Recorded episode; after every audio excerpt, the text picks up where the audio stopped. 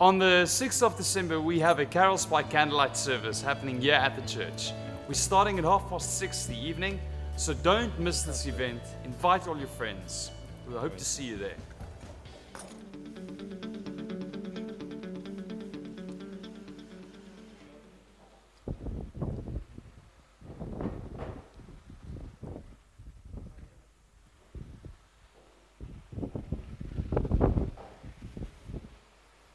This is gonna bother us.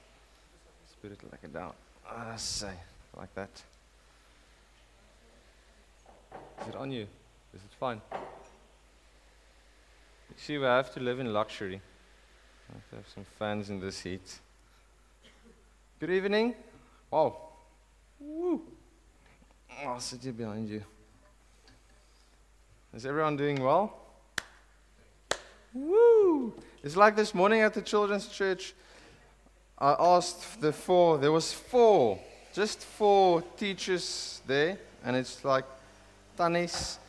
And I asked them, okay, one, two, three, let's hear you. And then I asked the kids, let's hear, and the, the teachers were like, whoa, going crazy. And, and the kids was like, uh. so how are you doing tonight? Yay! I say, I like that, I like that. It's, everybody is doing well, not that well. Um, hope after tonight you might feel a bit better, maybe, maybe not. But week after week, and I actually, I, I told Vickers if we can like sit in a little circle, I can take off this microphone and we can do something unplugged. But hey, we have to, we have to do the same thing, eh? We do this thing and we, we do church. We come together here and we drink some lekker coffee. Thank you, Mr. Weinand and Vickers. And we enjoy each other's company and we sing nice music. For some, it might mean something, for some, not. And we listen to a preacher. It's either me or Piet or Etienne at the moment. And after that, we, we go home. But this morning was something different. We had a, like a picnic here across the road. My feet was dirty because we played touchies and we had a like ball of a time. And we ate some food and we laughed and it was it was really nice. So those of you who missed the picnic, missed out. That's you missed those who missed it missed out. But normally when we leave this building on a Sunday morning or Sunday evening, we, we go out of here, we, we heard the message, but just as we leave this building, we, we are, what, what do you call it?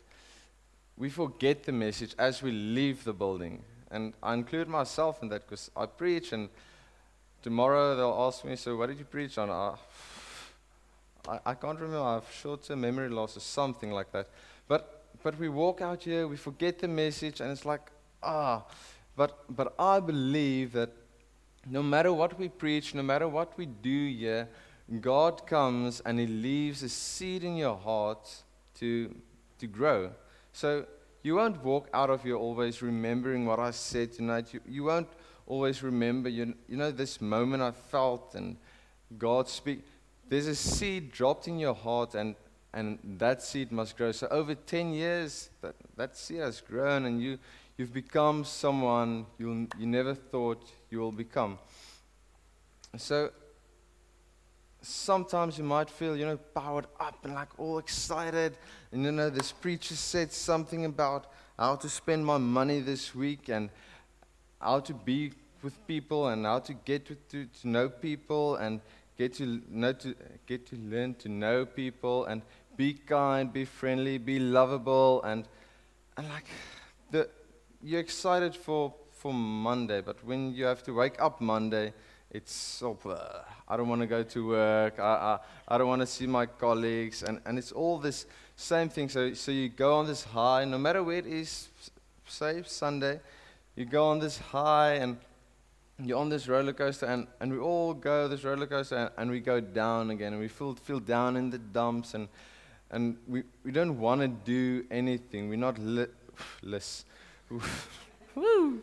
The English is so well, so raw, raw. Um, well, okay. but, but anyway, tonight I'm going to stick with my story. Tonight, I want to use this, this evening actually just to, to encourage you guys. And I want to actually encourage myself by, by what we're doing tonight. And it's the end of the year. You know, a lot of stuff ha- has happened in 2015 since January. We, we're almost at December, like really almost at December. It's two days, then it's December, then November is finished. Woohoo! And you are you, you're tired. 2015 wasn't maybe it wasn't a good year. You you you, f- you fell.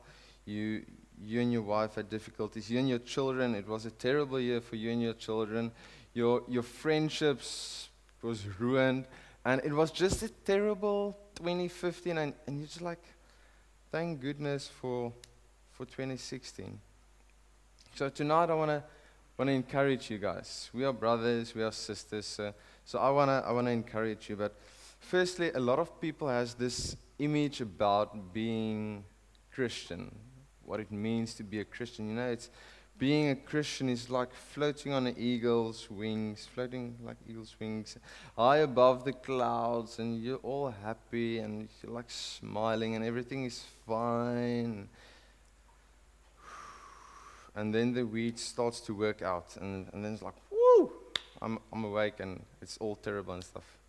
It's a joke. Uh, not a joke. Did you get my joke? No. I okay, it's fine. No, it's fine.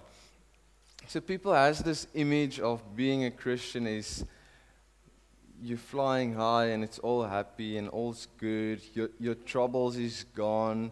Your worries is gone. So you don't have to worry about the day of tomorrow because the Lord will provide. And then you get to tomorrow and then you're like, I need to do this stuff. Why didn't the Lord do this stuff? And, and that's the image we sell to people about Christianity sometimes. Eh? We, we tell them, become a Christian and everything will just be fine.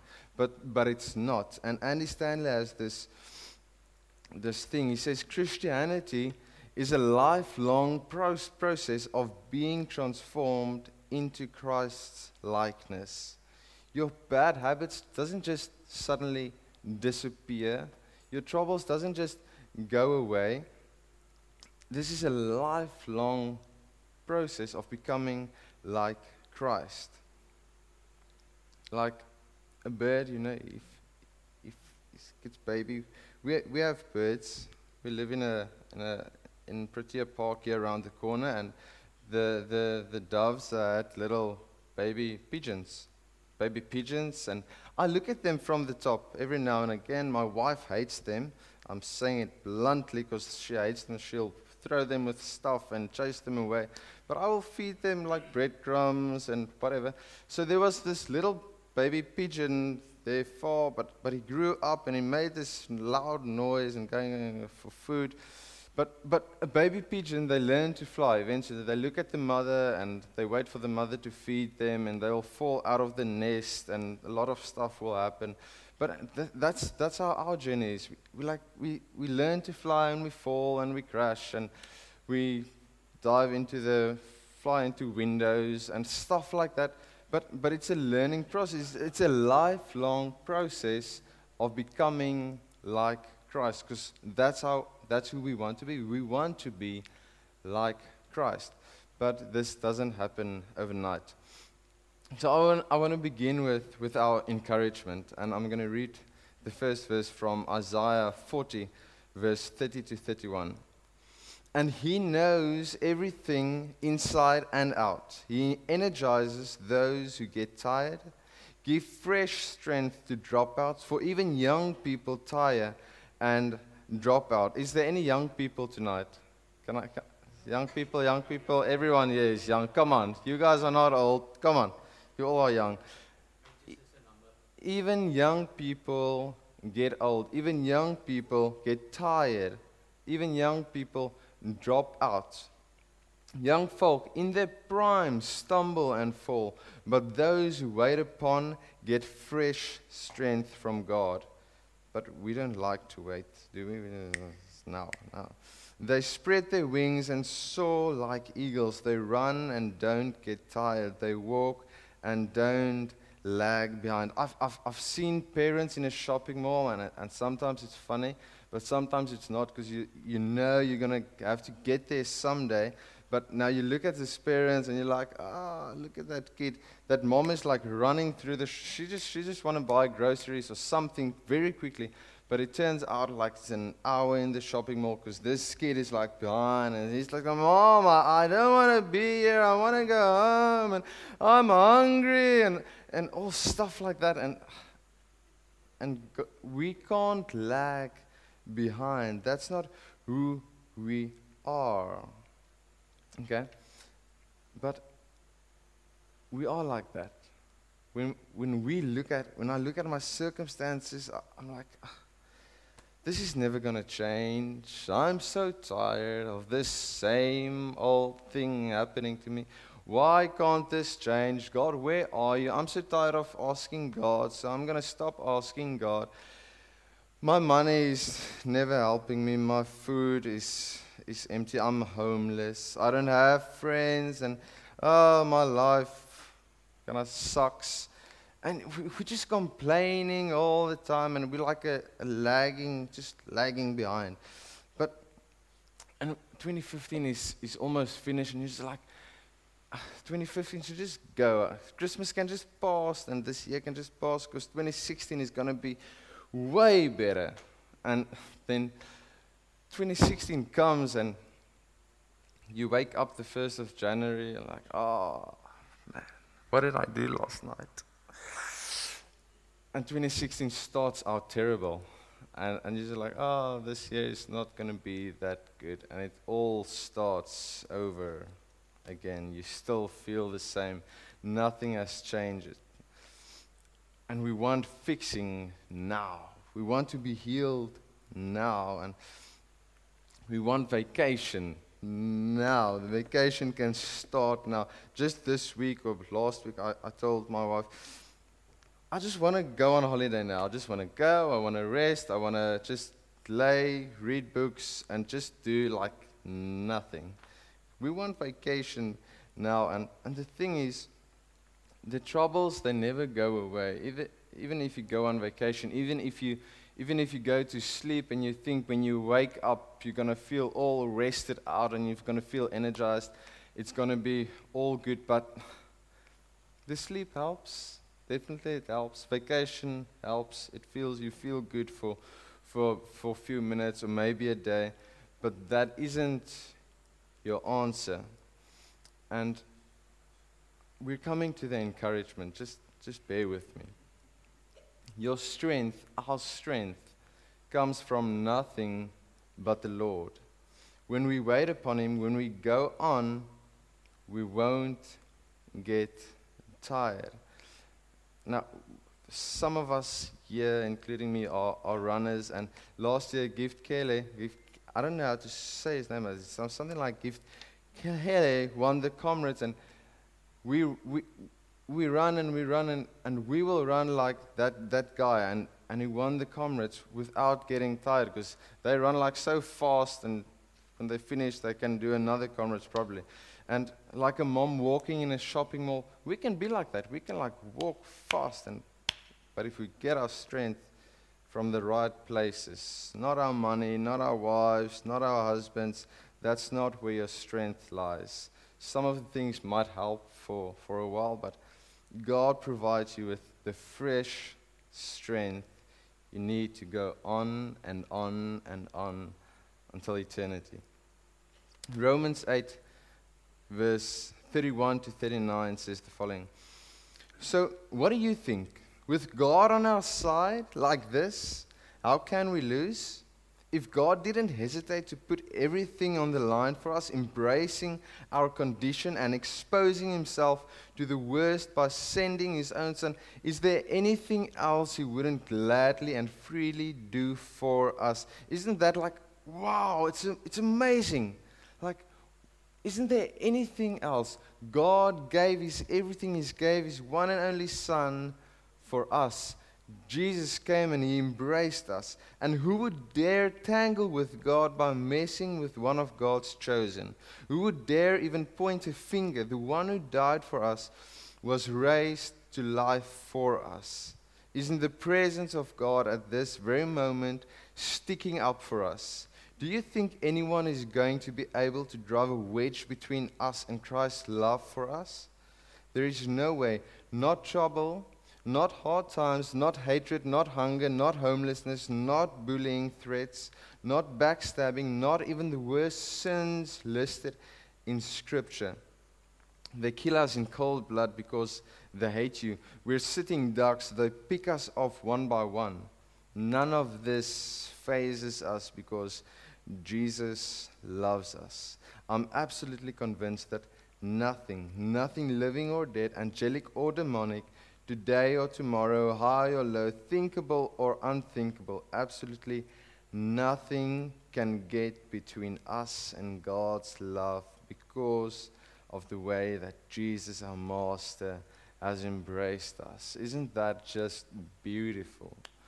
Like, Jesus is here and He embraced you. He knows about your hurts, He knows about your sins, He knows how you treat other people, He knows how.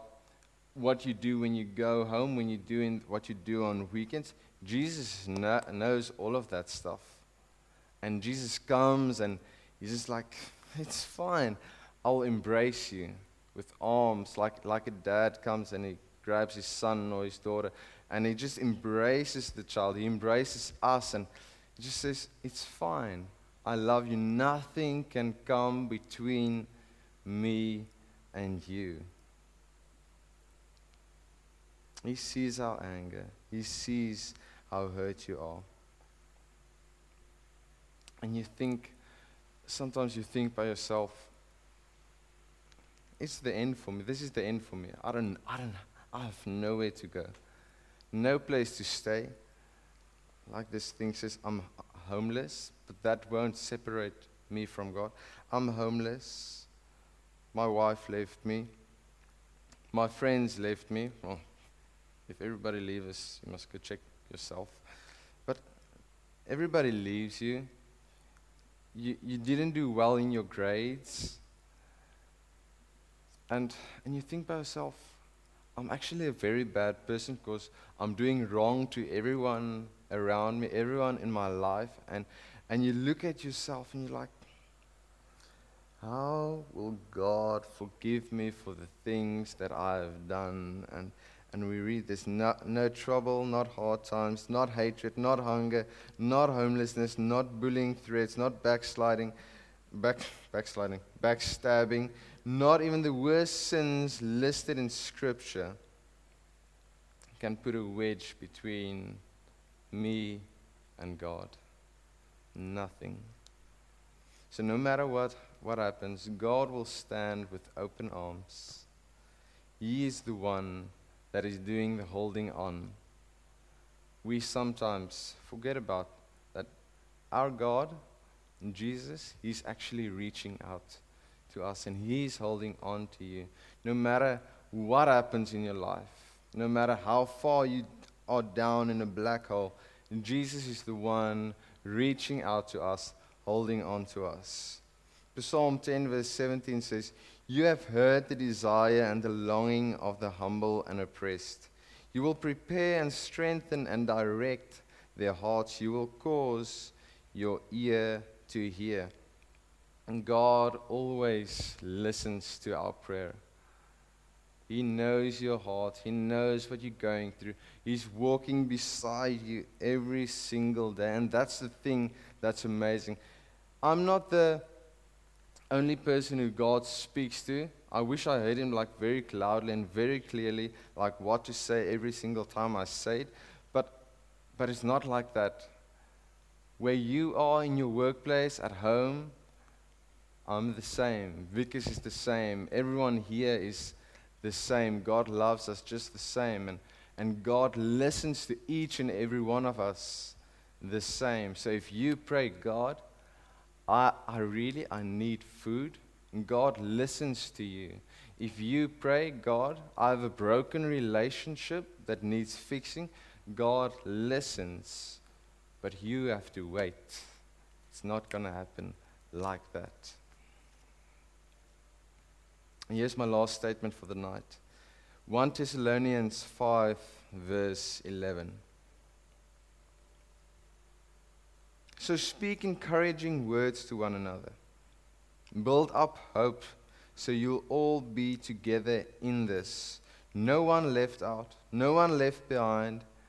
And I know you're already doing this, so just keep on doing it. And we can go on all night. There's a lot of encouraging scripture in the Bible, and you can walk out here like, like you feel this big and you feel this good, like you're up there on the roller coaster, and you'll be there up there tomorrow on the roller coaster. Like the people at work will be like, What's wrong? Why are you smiling? Our land is, our, South Africa is busy going downwards, and you're like happy and you're smiling. What's wrong with you? But the point is not that you are so encouraged that you encourage no one else around you. You are supposed to be the person who encourages your brothers and your sisters. What about your friend? What about your colleague? I know you hate your colleague, but what about your colleague? Why don't you encourage him or her?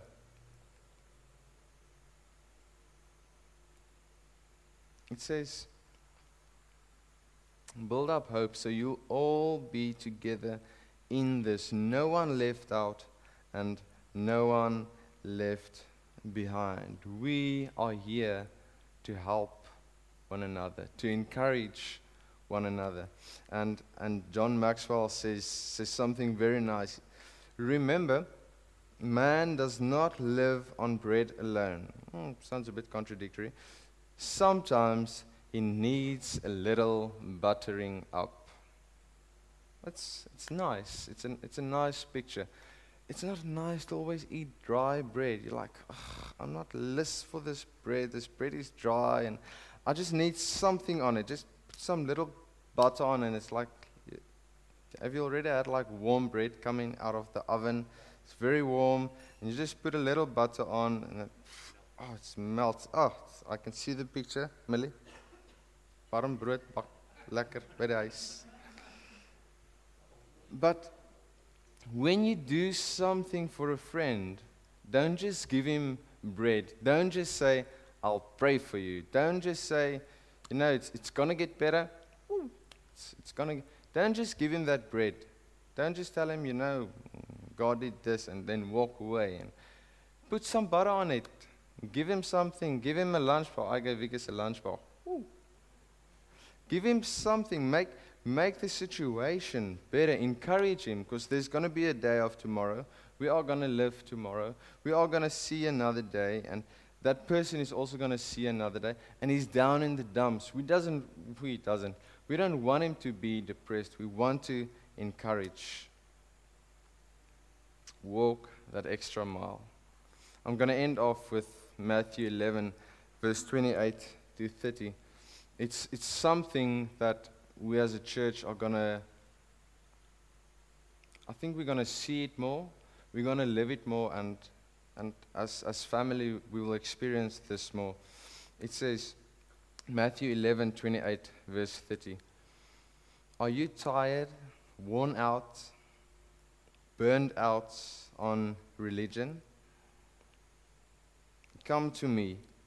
Get away with me, and you'll recover your life.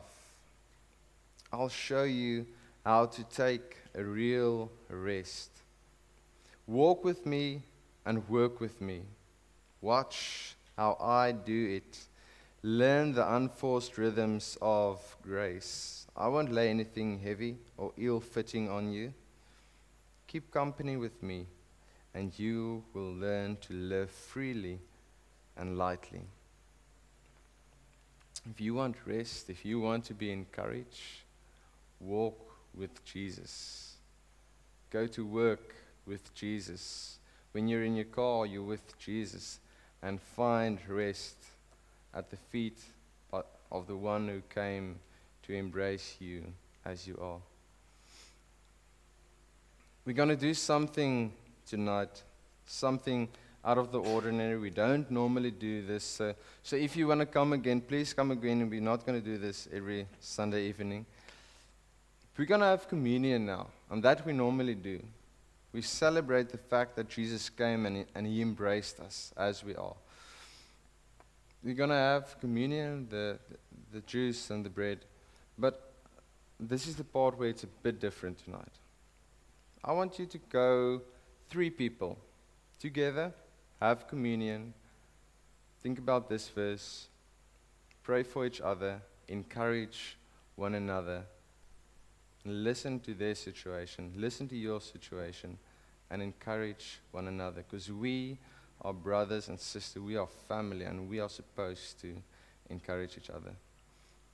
And at the communion, there's baskets where you can put in your money. If you want to, you don't have to. It's not a show where you pay for something, but you can. Let's pray together. God, we thank you for this wonderful evening, for, for this beautiful sun you gave us today that, sh- that was shining the whole day long, and we could have a nice picnic and we c- could um, fellowship with friends and just relax in, in your company with friends and, and share your love with each other, share your joy with, with other people. And, and God, I pray that when we take the communion, when we, when we enjoy, when we think back about what you did for us, and, and, it, and, it, and, it, and it's too much to comprehend, we're just thankful for, for what you did. You came in our face and you said, I know what you're going through, and I have something bigger planned for you. I have higher hopes for you, higher dreams, bigger dreams, bigger than you can ever imagine. And you came and you embraced us as we are. I pray for each and every one here that sits here that's about to take communion. I pray for the right connections to happen now. I pray that you will hear, that you will listen to each and every prayer going up right now. I pray it in Jesus' name. Amen.